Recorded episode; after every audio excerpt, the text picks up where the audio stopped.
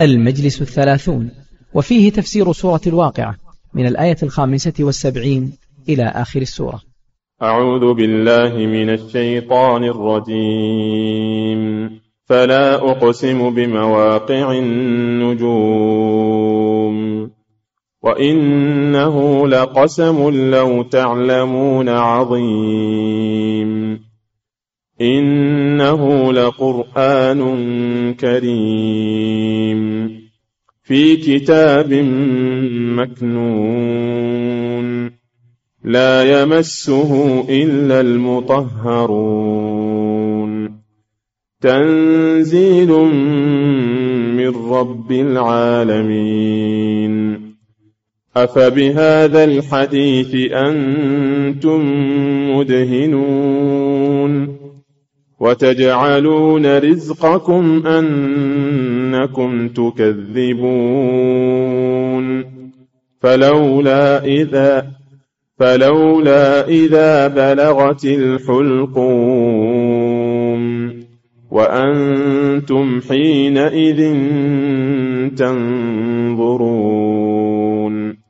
ونحن أقرب إليه منكم ولكن لا تبصرون. فلولا إن كنتم غير مدينين ترجعونها إن كنتم صادقين. فأما إن كان من المقربين. فروح وريحان وجنة نعيم. وأما إن كان من أصحاب اليمين فسلام لك من أصحاب اليمين. وأما إن كان من المكذبين الضالين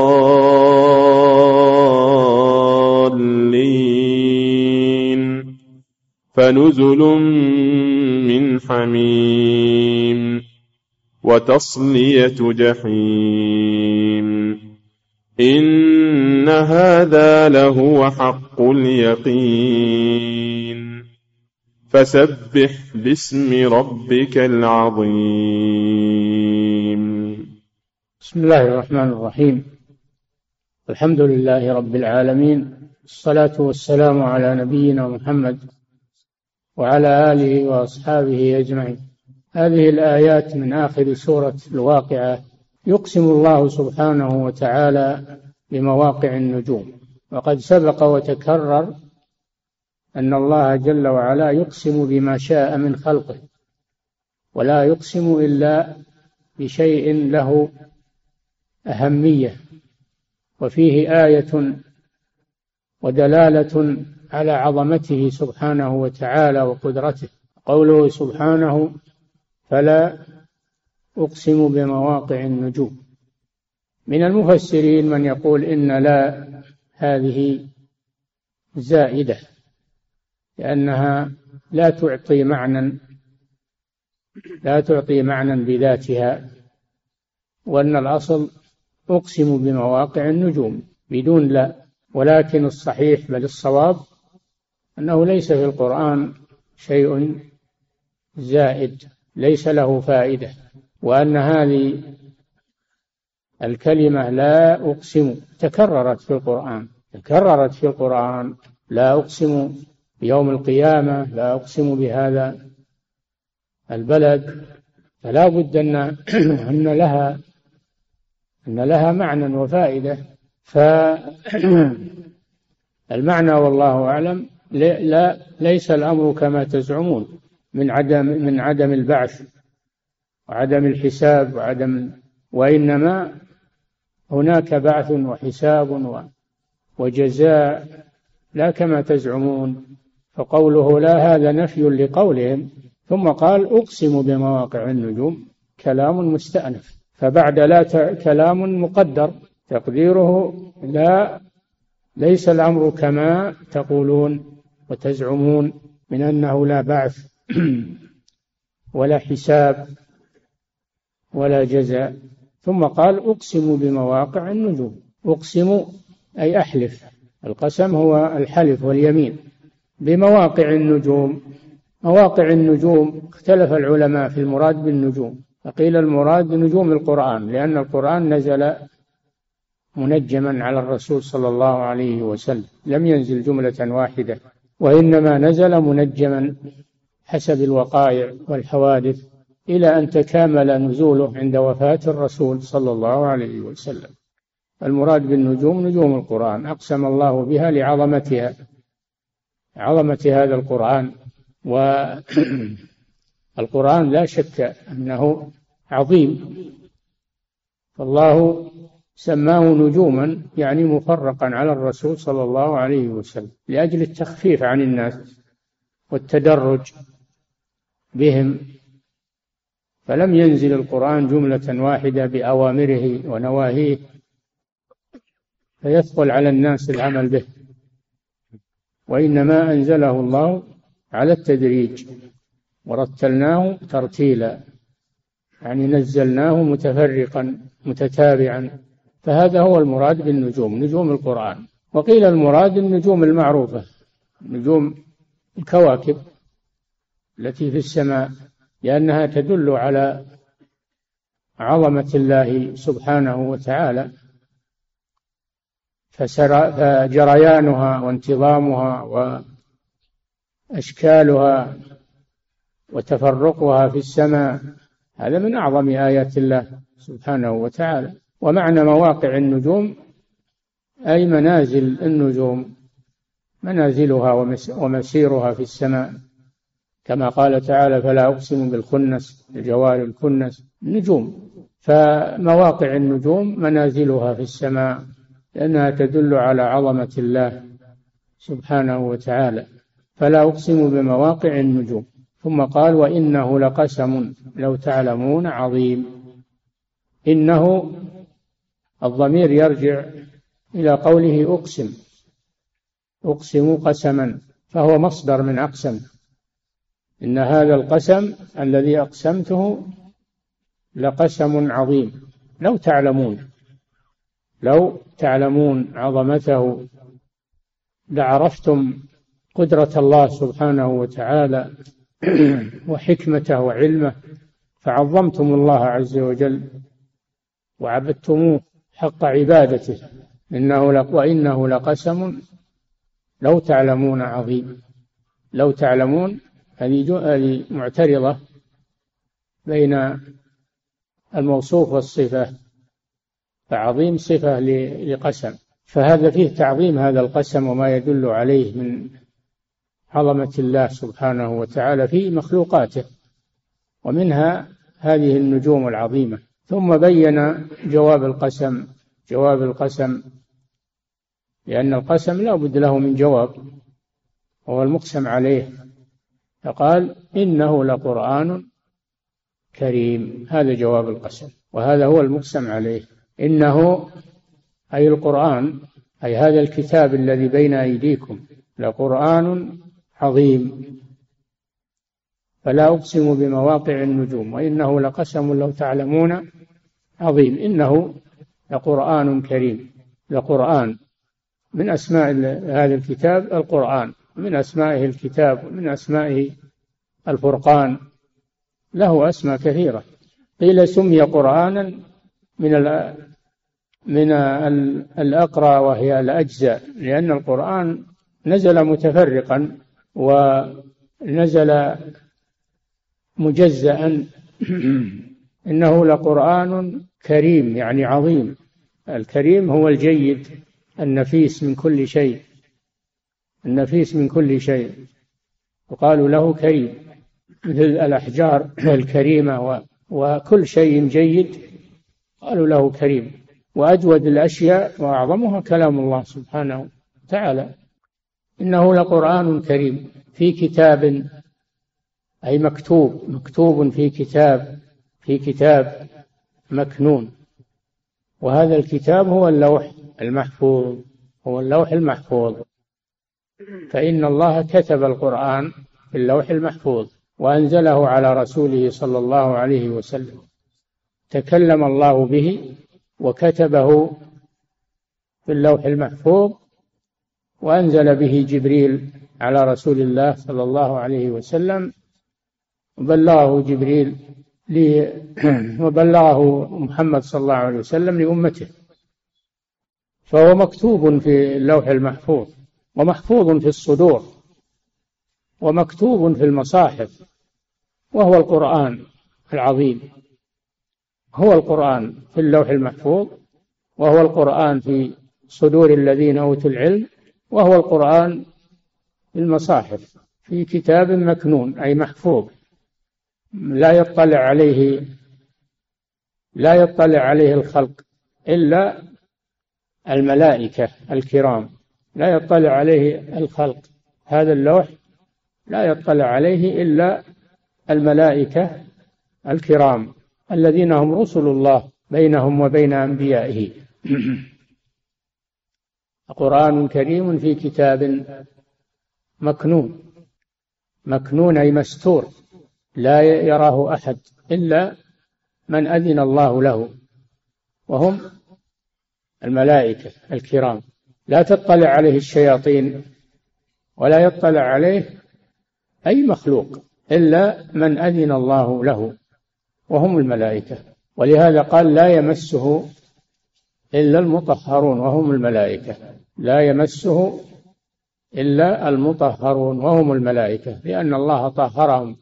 وزكاهم وأثنى عليهم لا يمسه إلا المطهرون. وهذا نفي لأن أن الشياطين أنها لها علاقة بهذا القرآن أو لها اطلاع على اللوح المحفوظ فهم لا يقربونه.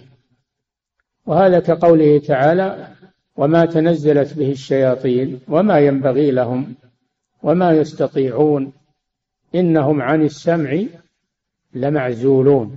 عن السمع وهو الوحي لمعزولون مبعدون. فهو مثل قوله لا يمسه إلا المطهرون. وأخذ بعض العلماء من إشارة هذه الآية أنه لا يمس المصحف إلا إلا على وضوء إلا على طهارة. قال لا يمسه إلا المطهرون. في هذا إشارة إلى أن هذا القرآن لا يلمسه أحد إلا وهو على طهارة من الحدثين الأكبر والأصغر. وهذا جاء في حديث عمرو بن حزم الكتاب الذي كتبه رسول الله صلى الله عليه وسلم لعمرو بن حزم لما بعثه إلى اليمن كتب معه كتابا. من جملة هذا الكتاب لا يمس القرآن إلا طاهر لا يمس القرآن إلا طاهر. وهذا كتاب مشهور تلقته الأمة بالقبول. فهو ثابت فلا يجوز أن يمس المصحف مباشرة إلا وهو على طهارة. من الحديث ومن إشارة الآية لا يمسه إلا المطهرون لا يمسه إلا المطهرون. ثم قال تنزيل من رب العالمين. من أين أين مصدر هذا القرآن؟ من الله سبحانه وتعالى تنزيل من رب العالمين. تكلم الله به ثم حمله جبريل عليه السلام أمين الوحي نزل به الروح الأمين وجبريل عليه السلام. على قلبك أيها الرسول تكون من المنذرين. بلسان عربي مبين تنزيل من رب العالمين. فهذا يدل على أن القرآن نزل من عند الله. وأن وأنه كلام الله منزل غير مخلوق ففي هذا رد على الجهمية والمعتزلة ومن مشى على مذهبه الذين يقولون أن القرآن مخلوق قبحهم الله. ومعنى هذا أنهم يصفون الله بعدم الكلام وأن الله لا يتكلم. تعالى الله عن ذلك. فنفوا عنه صفة من أعظم صفاته سبحانه وتعالى. فالقرآن منزل هذه عبارة السلف منزل غير مخلوق. أخذا من هذه الآية ومن أمثالها. منزل غير مخلوق. تنزيل من رب العالمين. فالقرآن تكلم الله به وحمله جبريل وبلغه جبريل لمحمد وبلغه محمد للأمة. تلقته الأمة جيلا بعد جيل. هذا سند القرآن. سند القرآن العظيم. هذا هو سند هذا القرآن العظيم. تنزيل من رب العالمين. ثم قال سبحانه وتعالى أفبهذا الحديث؟ الاستنكار. استفهام استنكار. أفبهذا الحديث الذي هو القرآن؟ القرآن يسمى حديثا. الله نزل أحسن الحديث كتابا متشابها. القرآن من أسمائه أيضا الحديث. حديث الرب سبحانه وتعالى. كلام الرب سبحانه وتعالى. ومن أحسن من الله حديثا ومن أصدق من الله قيلا. فهو كلامه وهو قيله وهو قوله وهو تنزيله وهو وحيه سبحانه وتعالى. تنزيل من رب العالمين. أفبهذا الحديث أنتم مدهنون متساهلون في العمل به وإظهاره للناس الدعوة إليه. المداهنة معناها التساهل في الشيء و يعني مجاملة الناس مجاملة الناس. فالواجب أن هذا القرآن يبلغ ولا يداهن فيه ويعمل به ويعلن للناس.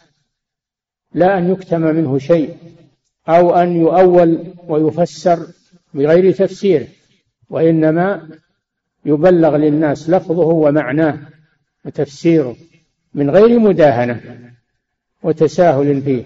قال تعالى ودوا لو تدهنوا فيدهنون وإن كادوا ليفتنونك عن الذي أوحينا إليك تفتري علينا غيره وإذا لاتخذوك خليلا ولولا أن ثبتناك لقد كدت تركن إليهم شيئا قليلا. إذا لأذقناك ضعف الحياة وضعف الممات. ثم لا تجد لك علينا نصيرا. فيجب أن يبلغ هذا القرآن للناس. وأوحي إلي هذا القرآن لأنذركم به ومن بلغ. ولا يتساهل في تبليغه وبيانه من أجل خواطر الناس وإرضاء الناس. يجب أن يبلغ كما جاء عن الله سبحانه وتعالى. فإن حصل تفريط في تعلمه وتعليمه والدعوة إليه وبيانه للناس وإلزام الناس بالعمل به هذه مداهنة. والمداهنة هي التنازل تنازل عن الحق لأجل إرضاء الناس أو إرضاء الملوك أو الرؤساء أو الدول. هذا قرآن ربنا كلام ربنا ما فيه مداهنة ولا مجاملة هو كلام رب العالمين. أفبهذا الحديث أنتم مدهنون؟ وتجعلون رزقكم أنكم تكذبون. تجعلون رزقكم الذي هو المطر. قال تعالى وفي السماء رزقكم وما توعدون. المطر رزق وينزل لكم من السماء رزقا. فالمطر رزق من الله. أنكم تكذبون فتقولون هذا المطر إنما هو إنما هو بسبب النجوم والكواكب طلوع الكواكب أو غروبها كما هو في الجاهلية الاستسقاء بالأنواع والاستسقاء بالنجوم فينسبون المطر إلى الظواهر الكونية. العبارة الحديثة الآن الظواهر الكونية والمناخات. ولا ينسبونه إلى الله وأنه إنزال من الله ورزق من الله سبحانه وتعالى. هذا تكذيب هذا تكذيب للحق. فالقرآن منزل من الله هو كلامه وكذلك المطر هو منزل من الله بأمر الله سبحانه وتعالى وتقديره. قال تعالى وما ننزله إلا بقدر معلوم فلا ينسب المطر إلى غير الله سبحانه وتعالى أن الله هو الذي أنزله وهو الذي دبره. وساقه وصرفه وحبسه إذا شاء. فالمطر ليس من الظواهر الكونية أو تأثير النجوم والطوالع والغوارب كما هو في اعتقاد أهل الجاهلية ومن يضاهيهم الآن لأن النبي صلى الله عليه وسلم أخبر أنه سيكون في هذه الأمة من يستسقي بالنجوم والأنواع من خصال الجاهلية. وتجعلون رزقكم أنكم تكذبون فتقولون مطرنا بالنجم الفلاني أو أو ما أشبه ذلك. ولا تقولون مطرنا بفضل الله ورحمته. وفي حديث آه، زيد بن خالد الجهني رضي الله عنه في الصحيحين وغيرهما قال صلى لنا رسول الله صلى الله عليه وسلم صلاة الفجر في الحديبية. الحديبية اللي هي الشميس هي غرب مكة على حدود الحرم. على حدود الحرم من الغرب.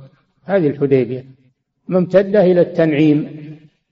ممتدة إلى التنعيم. صلى لنا رسول الله صلى الله عليه وسلم صلاة الفجر بالحديبية على إثر سماء يعني مطر. لأن المطر يسمى سماء.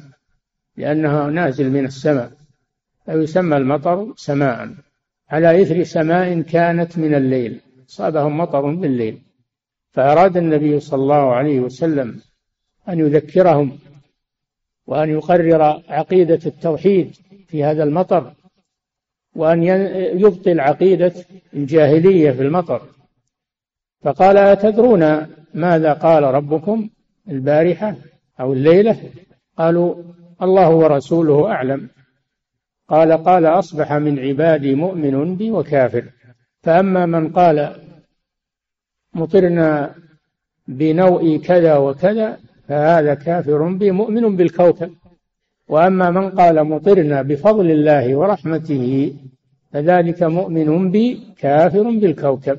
هكذا علمهم رسول الله صلى الله عليه وسلم بمناسبة نزول المطر حتى يقرر لهم عقيدة التوحيد في المطر وينفي عنهم عقيدة الجاهلية والمشركين. فينسبون المطر إلى الله ويحمدون الله عليه ولذلك يستحب إذا نزل المطر أن تقول مطرنا بفضل الله وبرحمته كما كان النبي صلى الله عليه وسلم يقول ذلك. يقول مطرنا بفضل الله ورحمته. أما من قال مطرنا بالنجم الفلاني أو بالطالع الفلاني فهذا نسب النعمة إلى غير الله سبحانه وتعالى وهذا كفر.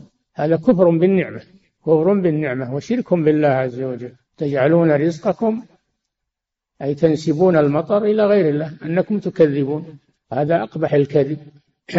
فهذا فيه تقرير التوحيد وبيان أن المطر إنما ينزل بأمر الله سبحانه وتعالى وتقديره وتصريفه ومشيئته وإذا شاء حبسه سبحانه وتعالى فمن آياته سبحانه إنزال المطر السحاب المسخر بين السماء والأرض ما أنزل الله من السماء من ماء أحيا به الأرض بعد موتها.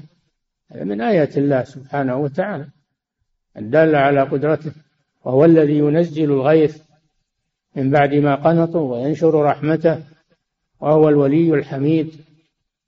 ثم إنه سبحانه وتعالى ذكر بالموت.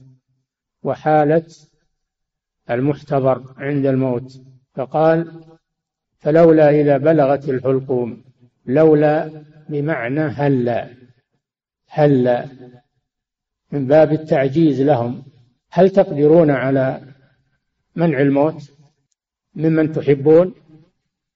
هل تقدرون على أن تدفعوا الموت عمن تحبون؟ بل لا تقدرون على منع الموت عن أنفسكم قل فادروا عن أنفسكم الموت إن كنتم صادقين.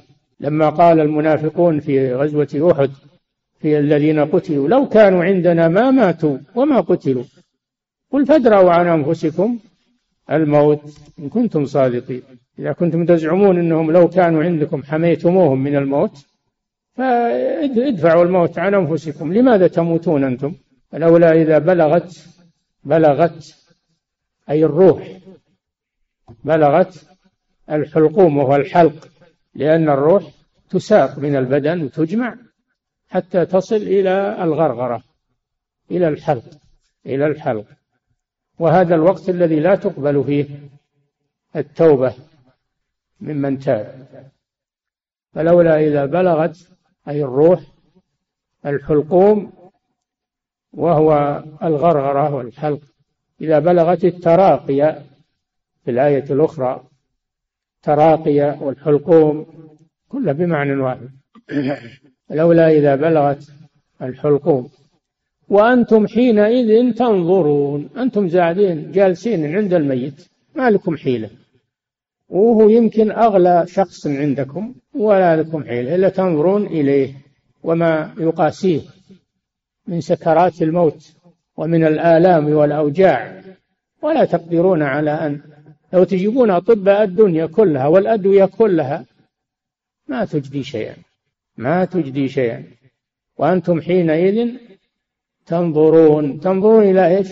إلى المحتضر ولا تقدرون على أن تدفعوا عنه شيئا. وأنتم حينئذ تنظرون. ونحن أقرب إليه منكم. نحن الضمير هنا ضمير جمع والمراد به هنا الملائكة. الملائكة ملائكة الموت. حتى إذا جاء أحدكم الموت توفته رسلنا يعني الملائكة وهم لا يفرطون. فالملائكة تجمع تجمع الروح من العروق ومن البدن تسوقها. ثم إذا بلغت الحلقوم تناولها ملك الموت. رئيسهم ملك الموت فأخذها. فأخذها وقبضها. قل يتوفاكم ملك الموت الذي وكل بكم. ملك الموت معه أعوان من الملائكة يجمعونها ويسوقونها إلى أن تصل إلى الغرغرة ثم يتناولها ملك الموت ويقبضها. ونحن أقرب ونحن بملائكتنا وعلمنا أقرب إليه منكم من الحاضرين. لكنكم لا لا ترون الملائكة. ونحن أقرب إليه منكم. ولكن لا تبصرون لا تبصرون الملائكة. وهم موجودون. وهم عند الميت. أقرب إليه إليه منكم. وهذا من آيات الله سبحانه وتعالى. هذا من آيات الله جل وعلا. ونحن أقرب إليه منكم. ولكن لا تبصرون. لأن هذا من علم الغيب.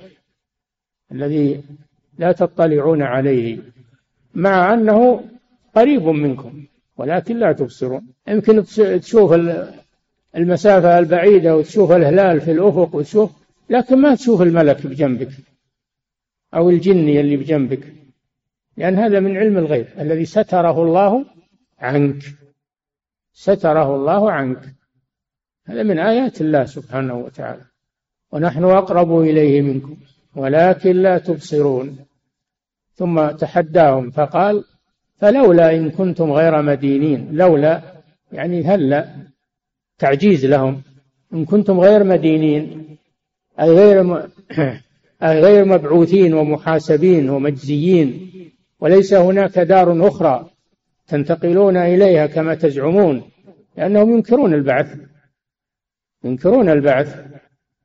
هم يعترفون بالموت. لكن ينكرون البعث.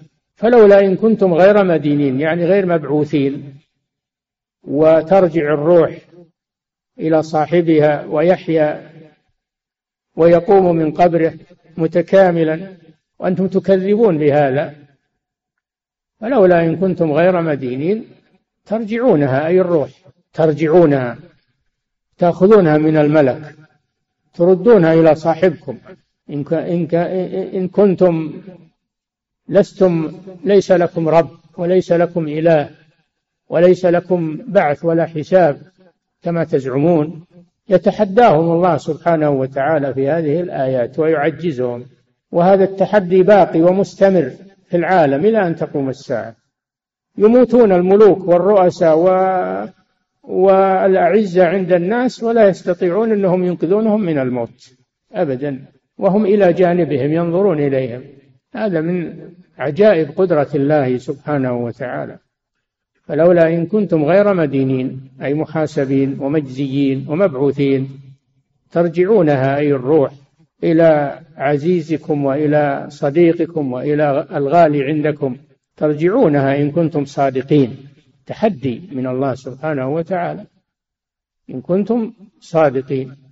ثم أخبر سبحانه عن مصير هذا الميت. وين يروح؟ وين يروح بعد الموت؟ قال فأما إن كان من المقربين فروح وريحان وجنة نعيم. وأما إن كان من أصحاب اليمين فسلام لك من أصحاب اليمين. وأما إن كان من المكذبين الضالين فنزل من حميم. هذا مثل ما في مطلع السورة. في مطلع السورة قسم الله الناس إلى هذه الأقسام الثلاثة. أصحاب المقربون السابقون السابقون أولئك المقربون في جنات النعيم ثلة من الأولين وقليل من الآخرين. وأصحاب اليمين ما أصحاب اليمين؟ في سمو وأصحاب اليمين وأصحاب اليمين ما أصحاب اليمين؟ في سدر مخضود وأما إن كان من أصحاب وأصحاب اليمين ما أصحاب اليمين. في سدر مخضود وطلح منضود وظل ممدود وماء مسكوب. ثم قال و... وأصحاب الشمال ما أصحاب الشمال؟ في سموم وحميم وظل من يحموم. هذا في مطلع السورة. بعد البعث هذا بعد البعث. والذي في آخرها تقسيم الناس عند الموت. عند الموت. ذكر الله القيامتين القيامة الكبرى في أول السورة والقيامة الصورة وهي الموت في آخر السورة. فأما إن كان من المقربين من هم المقربون؟ المقربون هم السابقون وهم الذين فعلوا الواجبات وتركوا المحرمات فعلوا الواجبات والمستحبات وتجنبوا المحرمات والمكروهات. هؤلاء هم المقربون هم المقربون وهم السابقون. وأما أصحاب اليمين فوهم الأبرار. أصحاب اليمين هم الأبرار الذين فعلوا الواجبات وتركوا المحرمات.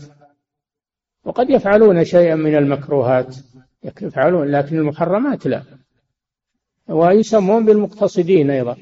يسمون بالأبرار والمقتصدين وأصحاب اليمين. هم الذين فعلوا الواجبات وتركوا المحرمات. قد يتركون المستحبات أو يفعلون شيئا من المكروهات. وهذا لا ينقص جزاءهم عند الله سبحانه وتعالى لكن ينقصه عن جزاء المقربين. المقربون يكون أكمل منهم جزاء. هؤلاء هم أصحاب اليمين. فأما إن كان من المقربين فروح يعني راحة راحة وقاس سكرات الموت وقاس الألم لكن يفضي إلى راحة بعد الموت. روح يعني راحة. وريحان ريحان أي سرور ونعمة وجنة نعيم. هذا جزاء المقربين. يبشر عند الموت بهذا. وأما إن كان من أصحاب اليمين فسلام لك من أصحاب اليمين. صاحب اليمين سالم أيضا سالم من العذاب. سلام لك يعني سلمت من أصحاب اليمين. وقيل سلام لك من أصحاب اليمين أي أن أصحاب اليمين الذين أمامه قد ماتوا يسلمون عليه إذا قدم عليهم ويؤنسونه يؤنسونه بعد فراق روحه بعد موته. وأما إن كان من المكذبين المكذبين بالرسل الضالين عن الحق وأما إن كان من المكذبين الضالين فنزل ضيافة النزل هي الضيافة فنزل من حميم ضيافتهم الحميم والعياذ بالله الماء الحار والجو الحار والمكان الحار فنزل من حميم وتصلية جحيم تصلاهم النار والعياذ بالله تصلاهم في وجوههم وفي جنوبهم وفي أدبارهم وفي تقلبون في النار والعياذ بالله وتصلية جحيم.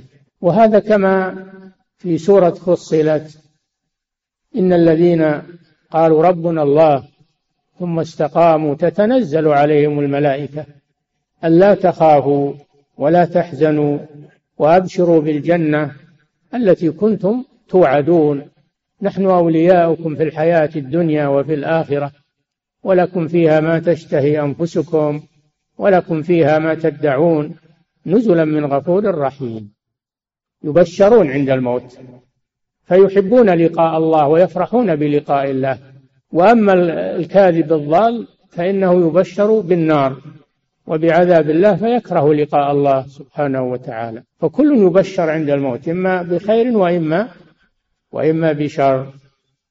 كما في حديث البراء بن عازب الطويل الذي فيه بيان الاحتضار ونزول الملائكة إلى الميت.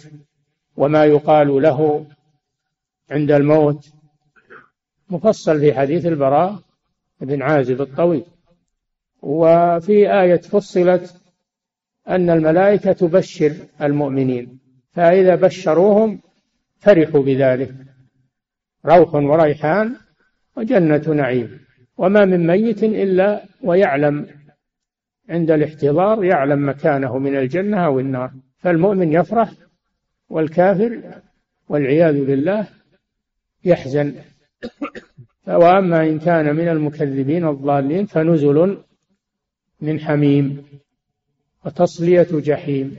ثم قال سبحانه وتعالى في ختام السورة إن هذا الذي أخبرناكم به من أحوال الموتى عند الاحتضار إن هذا لحق اليقين.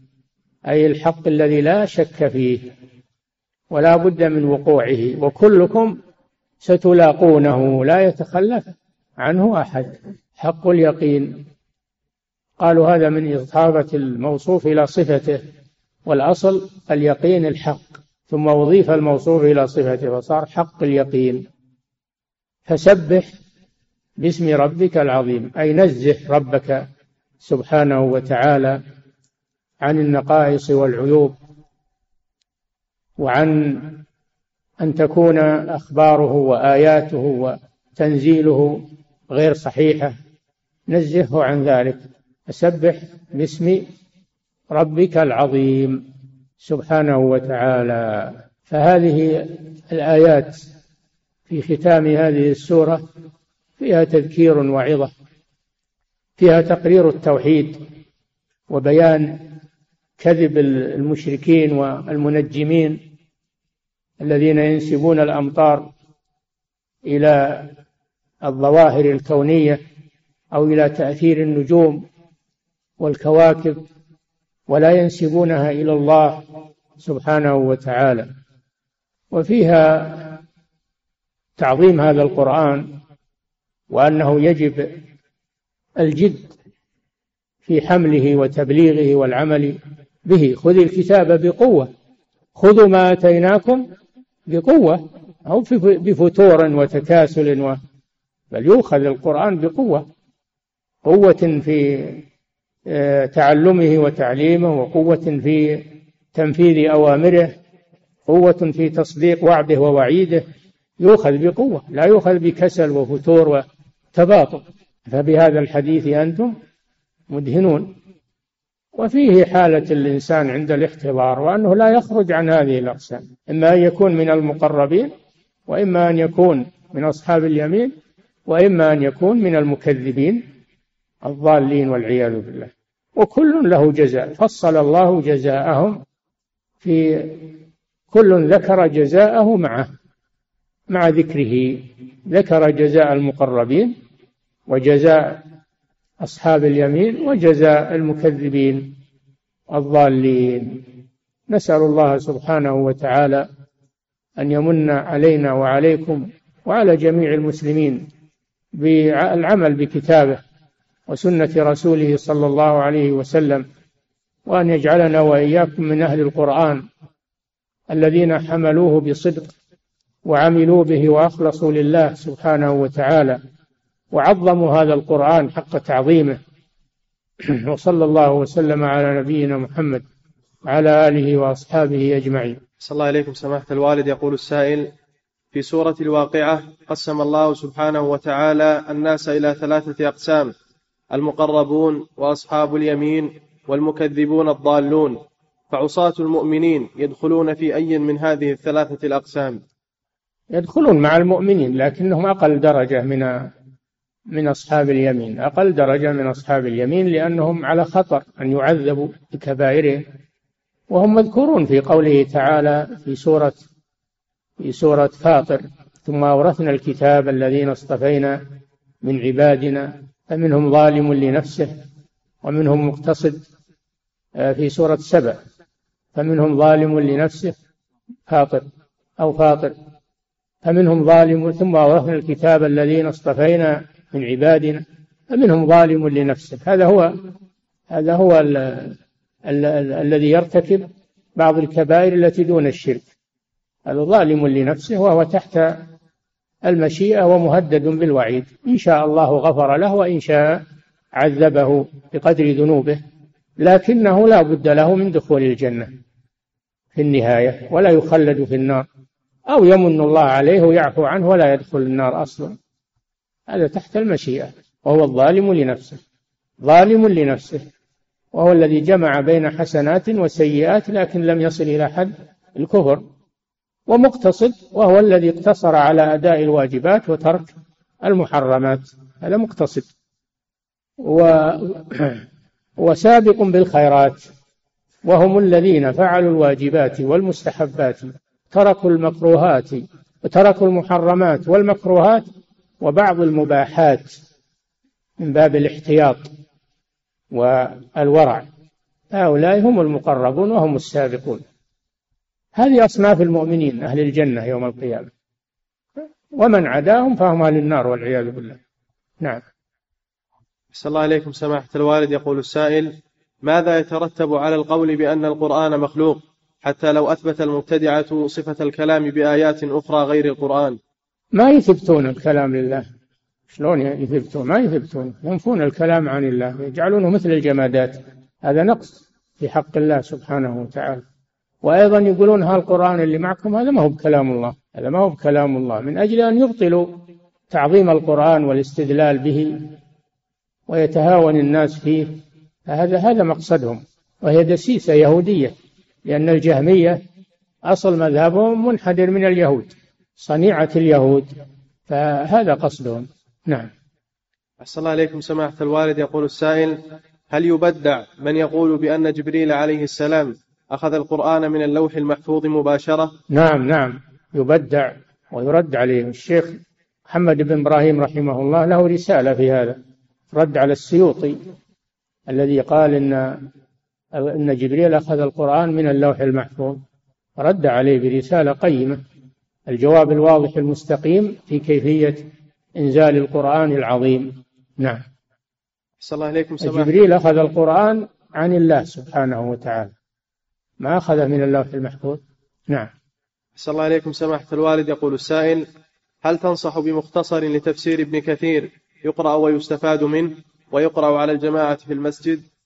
والله ما أعرف المختصرات أنا لكن تفسير ابن, ابن كثير مختصر هو نفسه مختصر. ليس بحاجة إلى الاختصار. فأنصح بقراءة التفسير أصل التفسير. نعم.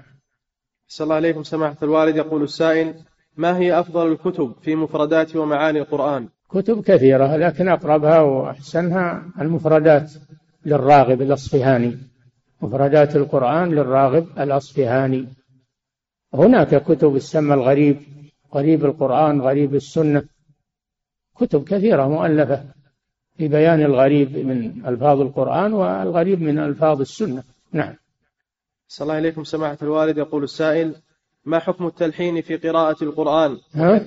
يقول أحسن الله عليكم ما حكم التلحين في قراءة القرآن؟ وكذلك تلحين؟ التلحين. لا يجوز التلحين لأنه يحوله إلى غنى. تلحين يحول القرآن إلى أغاني لكن كونه يحسن صوته بالقرآن ويؤدي القرآن أداء جيدا مؤثرا هذا طيب من غير تلحين. نعم. يقول أحسن الله عليكم وكذلك في دعاء القنوت فقد سمعنا من ينكره من العلماء وطلاب العلم. لا يشبه الدعاء بالقرآن يرتل و بل الدعاء يؤدى بصوت آه، لا يشبه أداء القرآن بالتجويد ونعم والمدود والغنة وما أشبه ذلك. لا يشبه كلام المخلوق بكلام الخالق. نعم. صلى الله عليكم سماحة الوالد. يقول السائل هل في قوله تعالى إنه لقرآن كريم دليل على القول بأن النجوم المراد بها القرآن وذلك في الضمير العائد على القسم؟ نعم ولو لو ما فيه احتمال لما ذكره المفسر. فيه احتمال أن المراد بالنجوم نجوم القرآن. نعم. يقول فيها الاحتمالان أن المراد بالنجوم الكواكب وفيه احتمال أن المراد بالنجوم نجوم القرآن وأجزاء القرآن التي تنزل على الرسول صلى الله عليه وسلم. نعم. صلى الله عليكم سماحة الوالد. يقول السائل على القول بأن معنى النجوم القرآن فما معنى بمواقع؟ يعني مواقع نزوله لأنه فرق لأنه فرق وكل نجم له موقع في وقت نزوله ومكان نزوله. وقت نزوله ومكان نزوله. لأنه كان ينزل على النبي صلى الله عليه وسلم في مكة وينزل في المدينة وينزل في الأسفار ينزل في كل مكان فيه الرسول صلى الله عليه وسلم في الحضر والسفر في المدينة ومكة في المغازي. نعم. صلى الله عليكم سماحة الوالد. يقول السائل في قوله تعالى ونحن ونحن أقرب إليه قال بعض المفسرين أي بعلمنا فهل هذا تأويل؟ لا هذا صحيح. فالله جل وعلا مع خلقه بعلمه ما بذاته ليس مختلطا بخلقه ليس هو مع الحاضرين مع الميت في المكان وإنما هو فوق عرشه وفوق سماواته لكن معهم بعلمه وإحاطته سبحانه وتعالى لا بذاته. فهذا قول صحيح.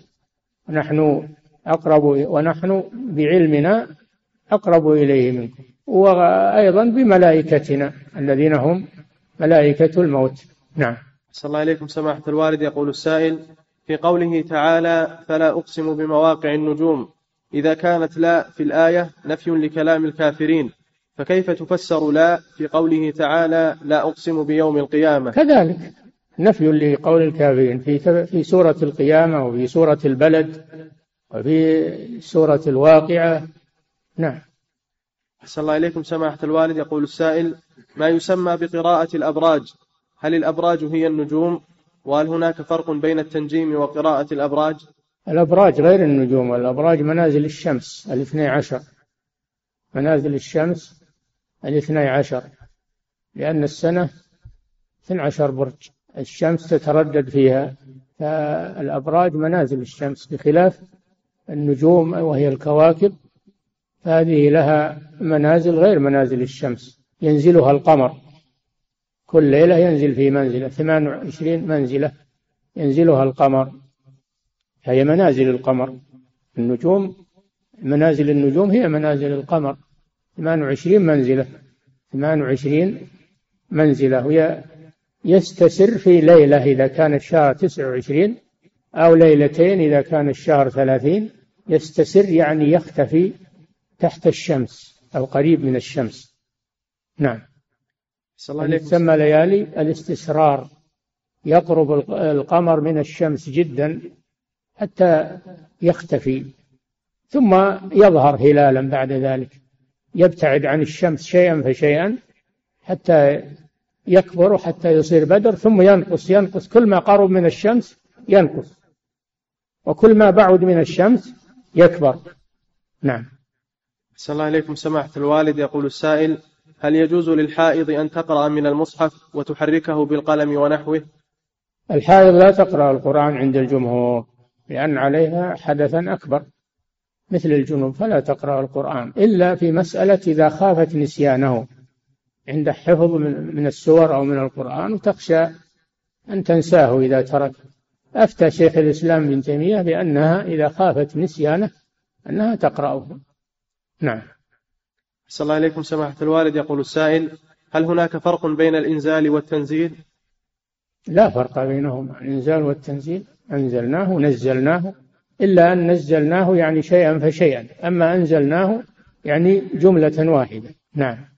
أحسن الله إليكم سماحة الوالد. يقول السائل هل ما يقال الآن بوقت الوسم وأنه يخرج فيه العشب وأن المطر؟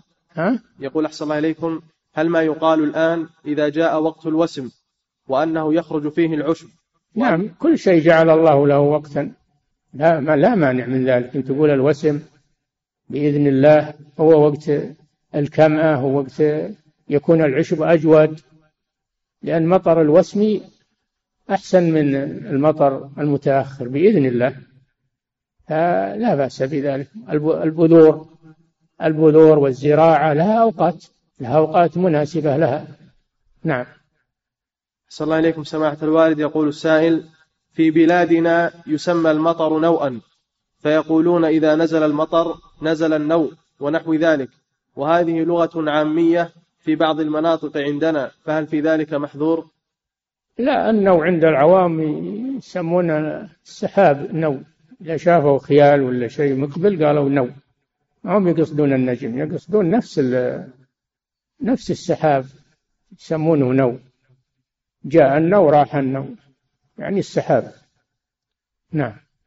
أحسن الله إليكم. سماحة الوالد يقول السائل هل يدخل غلاف المصحف في قوله لا يمسه إلا المطهرون؟ نعم نعم. كل ما يتصل بالمصحف فحكمه حكمه. أما المنفصل عن المصحف كالغلاف والكيس هذا لا. أما المرتبط بالمصحف فهذا حكمه حكم المصحف. نعم. أحسن الله إليكم. سماحة الوالد يقول السائل في هذا الزمان يقول علماء الجيولوجيا بأنهم يعلمون وسيلة خاصة يصنعون بها سحابا في مكان خاص فيحدث من ذلك مطرا. لا لا ما هم بيصنعون سحاب. هذا ما يصنعه إلا الله. لكن يقولون أنهم يقدرون على أنهم آه، يتسببون في نزول المطر من السحاب إذا تكون. إذا تكون السحاب أنهم ينشرون عليه أشياء أدري مواد كيماوية وأنه ينزل المطر منه. الله أعلم.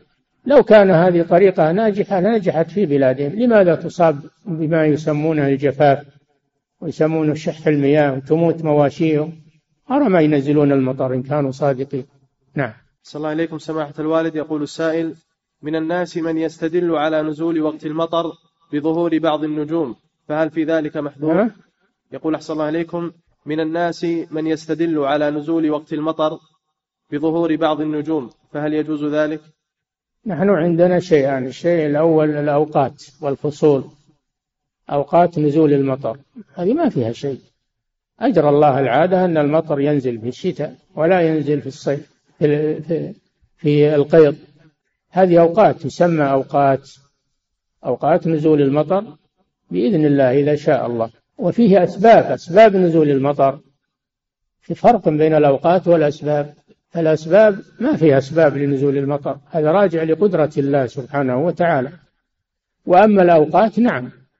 هي أوقات لنزول المطر. فإن شاء الله نزل وإن شاء لم ينزل أحيانا تمر الأوقات يمر الوسم يمر المربعانية ولا ينزل مطر. يمر الشتاء ولا ينزل مطر. مع أن الوقت وقت نزول المطر. فنزول المطر من الله سبحانه وتعالى. أما الوقت هو موجود ما في شك. نعم. أحسن الله إليكم. سماحة الوالد يقول السائل هل يوصف الله سبحانه وتعالى بالقرب استدلالا بقوله سبحانه فإني قريب؟ وهل هناك قرب خاص وقرب عام كما قيل في المعية؟ نعم. الله قريب من عباده سبحانه وتعالى قريب منهم بعلمه وإحاطته ولا يخفون عليه وليس معنى قريب إنه خالط لهم. فهو قريب منهم وهو على عرشه وفوق سماواته سبحانه وتعالى. نعم. صلى الله عليكم سماحة الوالد. يقول السائل وهو قريب من المؤمنين قرب نصر وتأييد. وقريب من الناس كلهم المؤمن والكافر قرب إحاطة.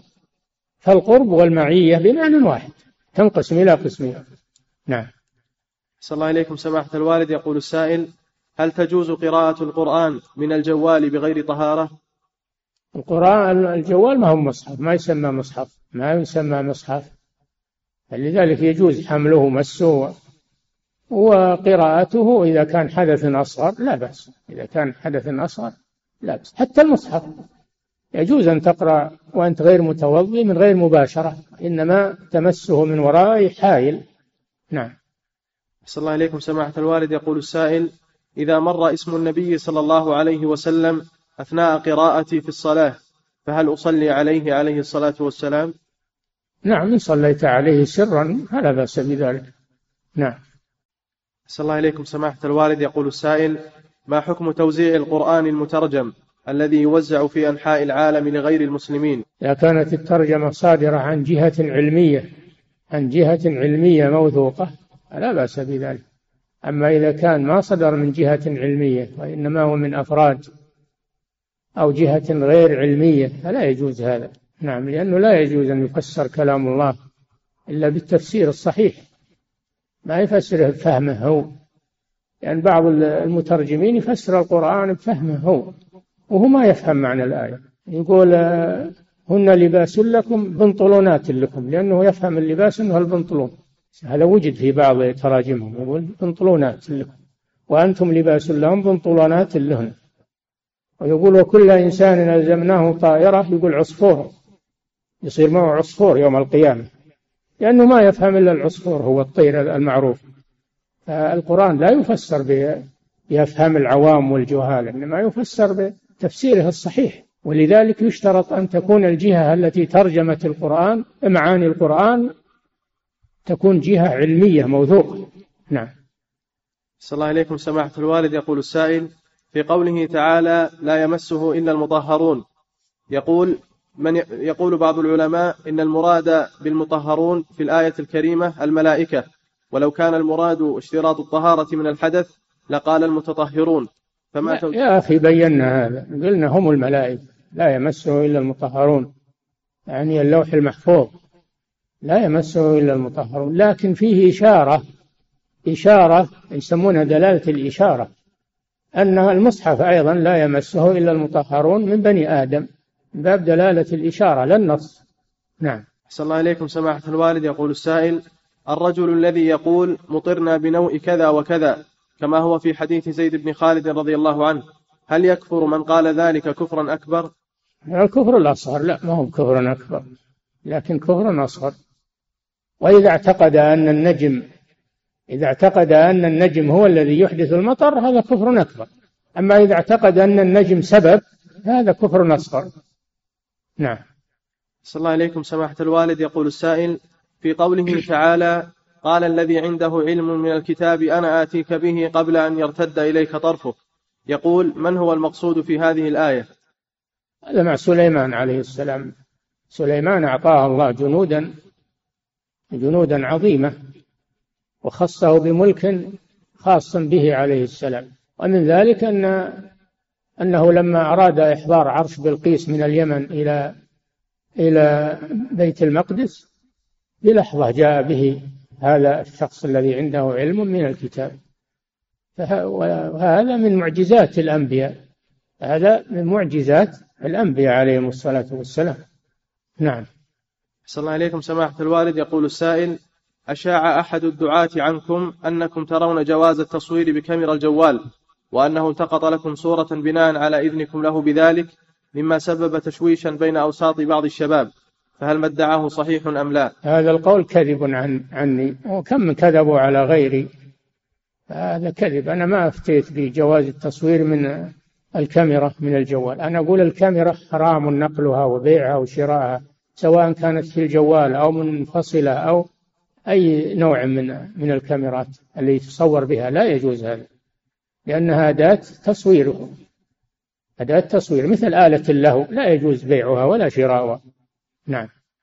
أحسن الله عليكم سماحة الوالد يقول السائل في مدرستنا يقوم أحد المعلمين بتشغيل جهاز التسجيل على إحدى المحاضرات. يقول أحسن الله إليكم في مدرستنا يقوم أحد المعلمين بتشغيل جهاز التسجيل على أحد المحاضرات والطلاب أثناء الفسحة منهم من يتناول الطعام ومنهم من يلعب الكرة وهم في حال لغط وصخب.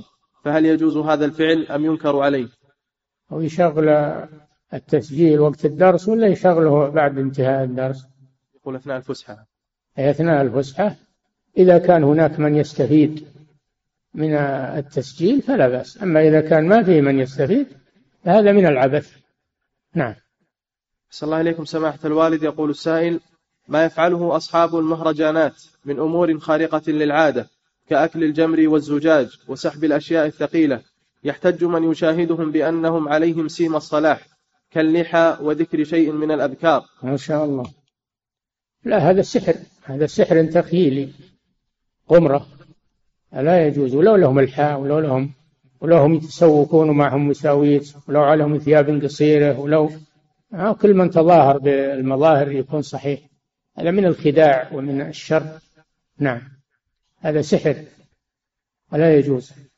لا في المهرجانات ولا في الأعياد والأعياد أشد لأن الأعياد عبادة الأعياد مواسم عبادة وذكر لله عز وجل فلا يجوز عمل المعاصي فيها. هذا كفر للنعمة كفر لنعمة العبادة والصيام والحج. لا يجوز ولا يليق بأعياد المسلمين. أن تحول إلى لهو ولعب وإلى سحر وإلى تمثيليات مسرحيات. لا يجوز هذا. هذه أيام عبادة وأيام ذكر لله وشكر لله عز وجل. نعم. أحسن الله إليكم سماحة الوالد. يقول السائل ما هو الرد على من قال بأن قوله تعالى عسى ربه إن طلقكن أن يبدله أزواجا خيرا منكن؟ الآية يدل على أن هناك خير من أمهات المؤمنين. عسى هذا ما هذا إذا إذا صرت أمهات المؤمنين على المخالفة التي حصلت منهن. أما وقد تبن من ذلك ورجعنا إلى الله فلا يساويهن أحد من من النساء. هذا لو استمرت على المخالفة التي عوتبت من أجلها. لكن الله عصمهن من الاستمرار على ذلك وتبنا إلى الله. إن تتوبا إلى الله قد صغت قلوبكما تابتا إلى الله الحمد لله. نعم. أحسن الله إليكم سماحة الوالد يقول السائل استمعت إلى شريط يقول صاحبه عن الصحابي الجليل الأقرع بن حابس رضي الله عنه إنه مهبول فما الواجب علي اتجاه هذا الشريط وصاحبه؟ الشكوى إلى الله إذا كان الصحابي مهبول من هو العاقل أجل يعني صحابة الرسول فيهم مهابيل هذا تنقص للرسول صلى الله عليه وسلم. تنقص لسادة الأمة وقادتها. فهذا هو المهبول في الحقيقة. هذا هو المهبول المخبول إن لم يكن زائغا وضالا. هذا إذا أحسنا به الظن قلنا مهبول. وإلا فهذا يدل على ضلال في عقيدته في صحابة رسول الله صلى الله عليه وسلم. نعم. صلى الله عليكم. سماحة الوالد يقول السائل إذا قال شخص يهنئ صاحبه هذا حظ سعيد. ويعني شيئا أنعم الله عليه كمال أو أولاد فهل في ذلك شرك لفظي؟ لا. قوله هذا حظ سعيد ما في شك أن الحظوظ تختلف حظ سعيد وحظ تعيس وهذا كله بتقدير الله سبحانه وتعالى. نعم.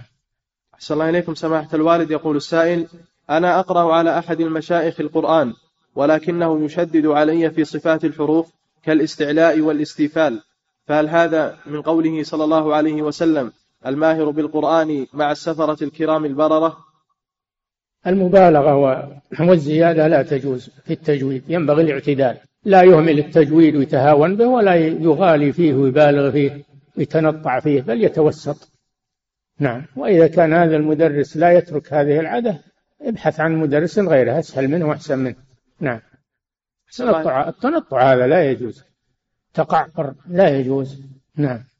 صلى الله عليكم. سماحة الوالد يقول السائل كنت نصرانيا ثم أسلمت وقبل خمس سنوات أسلم ابن أختي ولكنه ولد زنا. والسؤال ما هو العلا... ما, هو... ما هي العلاقة بيننا حسب الشريعة وهل أعت... وهل أعتبر عمه؟ نعم. أعيد السؤال. يقول أحسن الله إليكم. كنت نصرانيا ثم أسلمت وقبل خمس سنوات أسلم ابن أختي ولكنه ولد زنا. والسؤال ما هي العلاقة بيننا حسب الشريعة؟ وهل أنا أعتبر عمه؟ خاله يعني. ابن أختك تكون خالة ما هو أنت بعمه. نعم تكون تكون إنك خاله من النسب يعني ولد أختك. والحمد لله إذا كان أسلم لا يضره أنه ولد زنا. إذا أسلم لا يضر أنه ولد زنا. العبرة بعمله. نعم. صلى الله عليكم سماحة الوالد. يقول السائل إذا ترك المصلي التشهد الأول ناسيا وبعد انتهاء الصلاة بفترة طويلة وتيقن أنه ذكر ثم تيقن أنه لم يتشهد فهل يعيد الصلاة وهي واجبة؟ وإذا طلب منه الإعادة فهل هناك دليل على وجوب الإعادة عليه؟ السجود لترك واجب إذا ذكره أثناء الصلاة يسجد قبل السلام وإن ذكره بعد السلام بوقت قريب يسجد أيضا. أما إذا طال الوقت فإنه يسقط سجود السهو في هذه الحالة. وصلاته صحيحة إن شاء الله.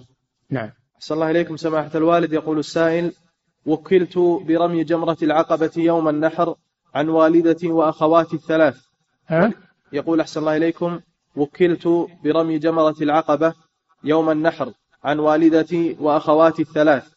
ولشدة الزحام خفت على نفسي من السقوط. فقمت برمي جمرة العقبة عن نفسي وعن من وكلني مرة واحدة أي دفعة واحدة. فما حكم فعل هذا وماذا يجب علي؟ يعني حذف الجمرات جميع مرة واحدة. هذا ما يجزيه إلا عن حصاة واحدة.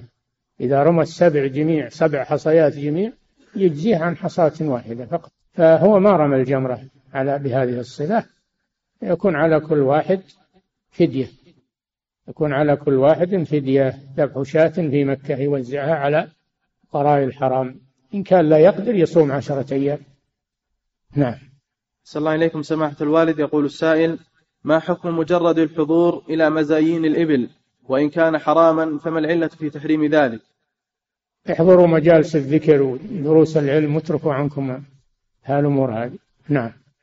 صلى الله عليكم سماحة الوالد. يقول السائل هل يشترط لوضع الجبيرة الطهارة وكيف المسح عليها إذا كانت في القدم وجزء من القدم ظاهر؟ لا يشترط لمسح الجبيرة أن يلبسها على طهارة هذا من الفروق بينها وبين الخف. فلو لبسها على غير طهارة يمسح عليها. وأيضا ليس لها مدة مثل الخف.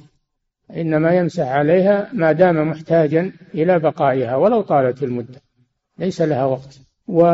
وأما قضية إذا كانت في بعض العضو فإنه يغسل يغسل السليم من العضو ويمسح على الجبيرة التي فوق الجرح. يغسل الصحيح ويمسح فوق الجريح. نعم. صلى الله عليكم سماحة الوالد يقول السائل يوجد لدي أرض وأنا متردد هل أبيعها أو أعمرها؟ وآل بي الأمر في الآخر إلى أن بعتها فهل علي فيها زكاة؟ ما دام أنك متردد لم تعزم على بيعها فليس فيها زكاة. لكن لما بعتها فإذا بقيت قيمتها عندك إلى أن تم عليها الحول تزكيها. وإن صرفتها قبل الحول فليس فيها شيء. نعم. صلى الله عليكم سماحة الوالد. تقول السائلة المرأة إذا سافرت مع ابن أخيها ومعها بناتها وهي معهم المرأة تقول أحسن الله إليكم المرأة إذا سافرت مع ابن أخيها ومعها بناتها. فهل هي تعتبر محرم لهم أم يجب أن يكون مع البنات محرم كأبيهم أو أخيهم؟ إذا كانت البنات صغيرات فلا بأس ما يشترط لهم محرم. أما إذا كانت بنات بالغات فلا بد من المحرم ولا يكفي ولا يكفي أن يكون معك أنت محرم وهن ما معهن شيء. وش, السؤال؟ تقول أحسن عليكم إذا ذهبت مع ابن أخيها مع ابن, مع ابن أخيها هي عمته يعني. أي نعم. ومعها بناتها. أي بناتها أجنبيات من من ابن أخيها. فلا بد من من محرم لهن. نعم. صلى الله عليكم سماحة الوالد. يقول السائل ما المراد بكلام شيخ الإسلام ابن تيمية رحمه الله في الفتاوى؟ حيث قال ما أكثر ما تفعل النفوس ما تهواه. أه؟ يقول أحسن الله عليكم قال شيخ الإسلام ما أكثر ما تفعل ما أكثر ما أكثر. أه؟ ما أكثر ما تفعل النفوس ما تهواه ظانة أنها تفعله طاعة لله. نعم الجاهل يفعل الشيء ويظن أنه طاعة لله وهو ليس طاعة لله أنه غير مشروع. يفعل شيئا يظنه مشروعا وهو غير مشروع فلا يكون طاعة لله. فليست العبرة بشهوات النفوس ورغبات النفوس العبرة بالدليل. ما دل الدليل على أنه طاعة يفعل وما دل الدليل على أنه غير طاعة لا يفعل.